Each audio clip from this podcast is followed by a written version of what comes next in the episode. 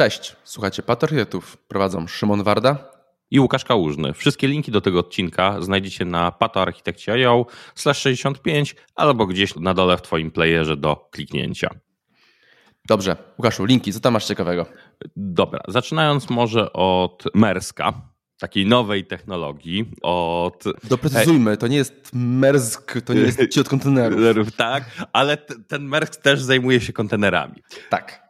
Więc jakiś czas temu mówiliśmy o Dawidzie Heinemanie Hansonie i Heycom, czyli taka duża usługa mailowa, która się ładnie zaczyna rozbudowywać w jakimś tam świadku, basecampów, innych rzeczy. I oni powiedzieli, że wychodzą z AWS-a do on-premu, bo jest taniej.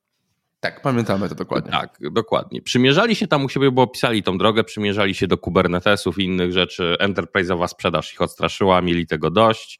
Sam Kubernetes w on-premie stwierdzili, że jest, nie chcą budować specjalnie zespołu i kompetencji pod to, co mnie nie dziwi, ale napisali własnego tula do deploymentu kontenerów, który się nazywa Mersk i napisali to na swoją e, potrzebę pozbyli się tak naprawdę całej otoczki kubernetesowej i to, co robią, to w prosty sposób przygotowują serwer tym toolem i deployują sobie na nim po prostu standalone'owo obrazy kontenerów.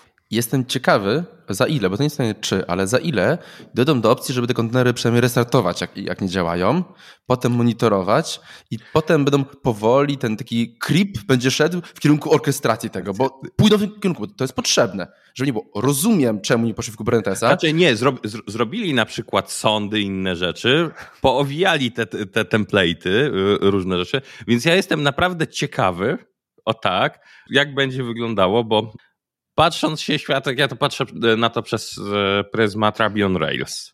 Czyli gdzieś tam ta wysoka produktywność. No i pytanie właśnie, jak to, czy zostaną przy tym minimalizmie, czy jednak gdzieś skręcą w coś quasi kubernetesowego. Nie zostaną z prostego powodu. Będą rekrutowali ludzi, którzy znają Kubernetesa, znają jego możliwości i będą szli na zasadzie, to by mi się przydało. I faktycznie mi się przydało, bo nie od parady Kubernetes ma tak wysoką adopcję, bo ma dużo rzeczy, które po prostu się przydają.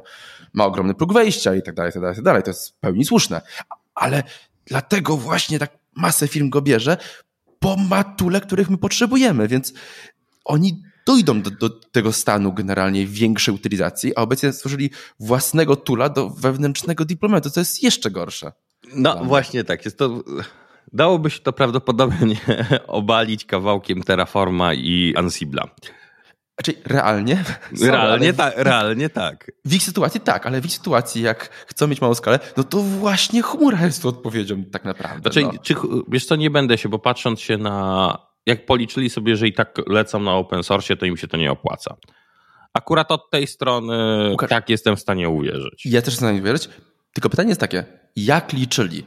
Powiedzą, że księgowość jest rzeczą płynną i co wliczasz w koszty i jak te koszty liczysz, to różnie ci może wyjść. No nie? No, o to mi chodzi. Tak, jeżeli, jeżeli tak, różnie możesz wyjść, tylko zobacz, z ich perspektywy i tego, może tak, z perspektywy, że czy mi się to opłaca, czy nie, pisanie tula, tak szczerze, wątpię. No właśnie, to, to jest bez sensu trochę dla mnie. Za to, czy ten powrót ich z cloudu do on-premu się mógł opłacać. Jeżeli tak większość robili na modłę infrastrukturalną na EC2, a usługi elastikowe były, tak, manage są diabelnie drogie, to ściągnięcie tego na open source na VM-ki na twoich blachach jest tańsze. Jest. Dlatego w szczególności jak się chowasz... pasy. Tak, jak pasów nie korzystali, a wiesz, utrzymanie nawet dużych baz danych no nie oszukujmy się, jeżeli posiadasz, nie potrzeba dużo ludzi, żeby utrzymać bazy danych w dobrym stanie. Zgadza się. Jakoś jestem ciekaw, jak to się rozwinie. Wydaje mi się, że będzie powoli, powoli tam. Zobaczymy, będzie potem tak. Potem tak, tak, albo będą gdzieś wracali. Tak. Coś jeszcze masz? Wiesz co, następna rzecz, która jest ciekawa, to w Google odkrywają lata 90., bo tak bym troszeczkę powiedział, patrząc się na podejście zostało sobie Service Waiver, a framework for writing distributed applications. Czyli jest sobie taki framework do Golanga jak na razie, e, wydany przez Google jako open source, który ma umożliwić pisanie modularnego monolitu i uwaga, tadam, tadam, deployowanie go jako mikroserwisy. Wiesz co, ja nawet nie powiedziałem, że to jest do 90., bo jak patrzę właśnie na kod, jaki tam jest, no. tak szybko, to też Wygląda trochę znajomo do tego, co było robione w Service Fabriku dla, dla kodu. Nie wiem, znaczy, znaczy, wiele tak. lat temu były takie właśnie opcje, że Service Fabric zanim był, miał opcję deploymentu yy, tam kontenerów i tak dalej, to można pisać kod C-sharpowy w Service Fabriku. Tak. Wygląda znajomo, bym powiedział. Raczej od tej strony tak, tylko tam było takie mocne rozgraniczenie do tego. Tutaj jest tak naprawdę w tym przypadku yy, wszystko ma być ukryte tak naprawdę przed deweloperem. Czyli piszmy, odpalajmy u siebie lokalnie monolit i on nagle automagicznie przez całość, która została tam dodana, zacznie się deployować i autoskalować na różne mikroserwisy. Ten serwis fabrikowy też, też, też kiepnane były. Tam była opcja taka, że tylko trzeba odpowiednich typów używać, że tam listy były automatycznie rozproszone i tak dalej. Ciekawy kawałek. Tamten był akurat w tym. W tym, wiesz co, dla mnie to jest troszeczkę e, właśnie dość fajnie się wypowiedział Udi na ten temat na Twitterze, że trzeba sobie przypomnieć, że właśnie prawidła rozproszonych systemów istnieją. Zgadza się, ale uważam mimo wszystko, że to jest dobry kierunek, w którym należy iść. No bo ukrywać właśnie te rzeczy. Bo to, jest taki serwis Mesh 2.0 bym powiedział, że, że tak mamy tak ładnie to rozproszone na poziomie kodu de facto. To nie jest proste, ale to jest kierunek, którym zdecydowanie powinniśmy iść. Czy wiesz co? Jestem ciekaw raczej kierunek. Zauważ, że tutaj chowasz synchroniczność, asynchroniczność i inne rzeczy. No właśnie jest takie, że może inaczej. Bardzo mocno chowasz. Na początku może to będzie, wiesz, jak ktoś takie coś użyje takiego podejścia, na początku będzie super.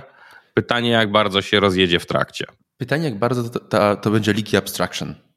To jest takie, ile to będzie automagii i na ile w pewnym momencie cię to kopnie w tyłek. No, nie? no teraz wygląda na sporo automagii. Tak, więc może mocno kopnąć tyłek. Dokładnie. Ale pewnie to nie jest finalna wersja. Tak, bo to announcement. Podejść pewnie będzie bardzo dużo generalnie w no, Waperze i jeszcze innych rzeczach.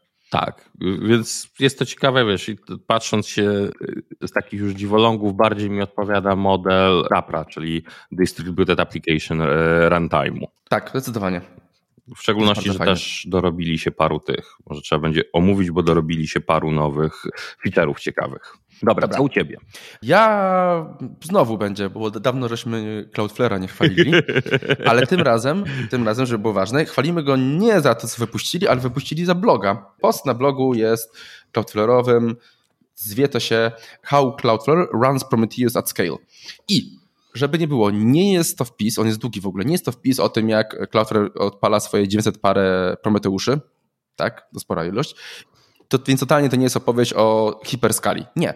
To jest super fajny wpis o podstawach Prometeusza, jak działa, jakie są podstawowe założenia, jakie są dobre wzorce skalowania pojedynczych instancji nawet i przejście przez zrozumienie wszystkiego Prometeusza, żeby mieć takie dobry punkt startowy do tego, żeby później rozumieć, jak on działa, żeby później rozumieć, co nas kopnie z tyłu i żeby później rozumieć de facto, jakie ryzyka nam chodzą, skonfigurować go, rozszerzyć i tak dalej. Naprawdę dobry wpis nie jest totalnie o setkach prometeuszy pracujących równolegle, jest o tym bardziej, jak nawet pojedyncze instancje odpalić dobrze i jak działa. Super wprowadzenie. Fajne są super. właśnie, że w jednym miejscu zgromadzone bebechy, bo pokazują nawet czanki y, tych metryk fajnie rysunkowo, gdzie zostały zapisane w tym momencie w czasie, w tym momencie w czasie i do tego to służy, więc jest dość fajnie pokazane właśnie memory mapping old chunks, writing blocks to disk, więc to wszystko jest tak. w krokach opisane, co Cały on pod spodem robi mhm. Mm, i fajnie też widać tam na przykładach właśnie, ten wpis fajnie graficznie oddaje, bo jest pokazanie labeli, czyli od tego jak mamy te metryki olabelowane do czanków graficznie, więc to są w ogóle super rzeczy. Tak, dużo zrobili bardzo dobrze. Tytuł jest totalnie niepasujący do tego, co jest w artykule, ale naprawdę jako wprowadzenie żeby do zrozumienia Prometeusza, super. Nie widziałem niczego tak, żeby w jednym miejscu było tak dobrze zebrane. Polecam, tak, zdecydowanie. Jest to super. A tak tam dwie rzeczy, małe rzeczy tak do dyskusji. Pierwsze, Microsoft wprowadza serverless do baz SQL-owych, to już od znaczy, dawna jest. Y, od dawna wprowadza, o tak, bo one ciągle się pojawiają. Tak, ale tym razem dodali to do tego tira, może typu bardziej hyperscale. hyperscale. Czyli mówimy sobie tam 80 CPU, 100 terabajtów danych i tak dalej, tak dalej. Znaczy, kilka przemyśleń w kontekście tego. Oczywiście tutaj zgwałciliśmy oczywiście pojęcie serverless, bo to takie, takie trochę mniej ale serverless. Słuchaj, wiesz co, tylko że... Ale słusznie.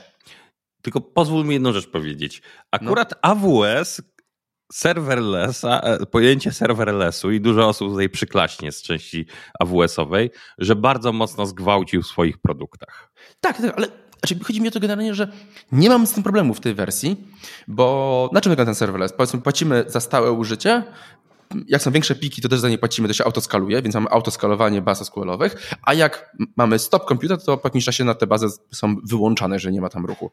Co jest super dobre, jeżeli mówimy o takich ogromnych zbiorach danych, bo to jest często, tam po prostu odpalamy jakieś raporty, rzeczy, które pracują w pikach, więc tak naprawdę to, co nam to daje, to jest autoskalowanie. Przy czym uwaga, bo ten hyperscale jeszcze nie ma zatrzymywania, to dopiero będzie w kolejnej iteracji, ale podoba mi się fakt, że to zdejmuje strasznie dużo obsów z prawidłowego ustawienia baz relacyjnych i oszczędzania kasy, bo te bazy są z reguły pierwszym albo drugim największym kosztem w jakimkolwiek usłudze jak popatrzymy, a nagle jak wchodzimy do tego tiera serverless, który no, też jest trochę droższy mimo wszystko, ale zdejmujemy ten cały narzut na zatrzymywanie ich, skalowanie i tak dalej, tak dalej. Więc to bardzo fajny kierunek, w którym usługi podążają według mnie. Tak, dla dużych rzeczy spoko. Dla małych to nie ma sensu, nie oszukujmy się. Tak, raczej, czy wiesz, zawsze jest sens, bo mieliśmy przecież przypadki nawet e, z naszych Szymon konsultacji, gdzie opłacało się zeskalowywać z 8 korów do dwóch postgresy w nocy i przy, przynosiło to e, niezłe oszczędności. Znaczy, zgadzam się, tylko właśnie jak mówimy, że ma, zaoszczędzisz jak najbardziej, tylko teraz pytanie, ile zaoszczędzisz per godzina pracy, tu jak masz 80 CPU, no, będzie no tak, to jest zauważalna różnica, powiedzmy sobie, no nie? Tak, to jest już zauważalne. Tak, więc to mnie naprawdę cieszy. A druga opcja. Google wprowadziło nowe umowy dla klientów. Nazywa się to Flex. Chodzi głównie o to, że tak naprawdę jest trochę łatwiej klientom wejść w lepsze usługi, nie musi być, nie muszą nas podpisywać takich long-term agreements, długich umów na, na przyszłość, wieloletnich i tak dalej, tak dalej, tak dalej. Obniżyli próg wejścia. I to co mnie zastanowiło, bo jest, jestem mega ciekaw, bo przez ostatnich parę odcinków mówiliśmy o tym, że właściwie ten cały cloud, chmura dorosła i tam już się niewiele dzieje. Mnie zastanawia, czy jeszcze możliwe jest przetasowanie na tym rynku? Zmiana kolejności. Wiesz co, dobra. mi się, że nie do końca. Patrząc się na te rzeczy, to jest po prostu model umów w Google chyba z dużych dostawców najbardziej ssał do tej pory. Tak. Tam patrząc się na sposób z, ta, z takiej mojej perspektywy. I teraz zabawy, jak mówimy o całych przetasowaniach i innych rzeczach, nie wierzę, że one się przy tej skali, mhm. Że się zadzieją. Raczej, jeżeli już, to prędzej dojdzie do zbalansowania. Raczej nie nazwałbym przetasowaniem, ale rebalancing. Czyli, że w, może w Google przychody urosną, w AWS-ie bardziej spadną i wszyscy się zatrzymają na podobnym poziomie po prostu posiadania trociku z rynku, tych dużych. Tak, wydaje mi się, że wydaje mi się, że tam się już dużo nie zmieni za bardzo tak naprawdę. To jest bardziej ewidentnie odpowiedź Google'a na wymagania rynkowe, na bardziej wymagania sprzedaży, na większy próg wejścia, że, bo to jest głównie do korporacji, bo tam jest prowadzenie planu Enterprise, Enterprise Plus i tak dalej, tak dalej, więc, więc o tym mówimy, ale już tam dużych ruchów nie będzie, jakichś wybuchów, zmian i tak dalej, tak dalej. Nie, słuchaj, jak wiesz, jak sobie popatrzymy na ten cloud, multi-cloud dla aplikacji w większości przypadków jest mitem jak sobie popatrzysz. Nie, nie jest mitem. Jest zbyt drogim Ale e, dlatego, Tak, dlatego mówię, że z tej perspektywy jest mitem. Ja to oceniam jako, że dla większości przypadków jest mitem i niepotrzebnym. To tak jak zmiana chmury, to tak jak zmienimy bazę, bazę zmienimy relacyjną. bazę relacyjną. Tak, będziemy, zazwyczaj przepisujemy. Jak, jak zaczynamy analizować, to kończy się zazwyczaj zmianą produktu albo przepisaniem. Każdy ma jakieś preferencje, każdy ma jakieś wady i zalety jak potem bierzesz większość przypadków jakichś architektur, zabawek i tak plusy i minusy z każdej z, chmur i usług, które tam są, one się balansują. Dochodzą, wyrównuj, wyrównują się. Nie ma takiego super, że pójdź tam, zrób to, pójdź tam, zrób to, pójdź tam, zrób to. Jeżeli patrzysz się holistycznie na wszystkie usługi, bo w, w poszczególnych przypadkach tak znajdziesz przypadki, że set w danym cloudzie usług jest bardzo lepszy, ale to jest już taki cherry picking, który lepiej skupić się na jednym cloudzie i przełknąć, że jakaś pierdoła tam gdzieś jest lepiej zrobiona i zrobić sobie porządnie to w jednym miejscu. Tak, albo wymagania, y, jeżeli chodzi o regulatorów, to jest drugi element, gdzie może być twarde tak. Tak, są, pros- są chmury prostsze i trudniejsze do zrobienia tego. tak, dokładnie. E, można znaczy bardziej przygotowane, e, albo o, tak. nieprzygotowane. O, to e, lepsze określenie. Dobrze. To ja tyle. Kończymy ja chyba. Też. Trzymajcie się, na razie. Hej.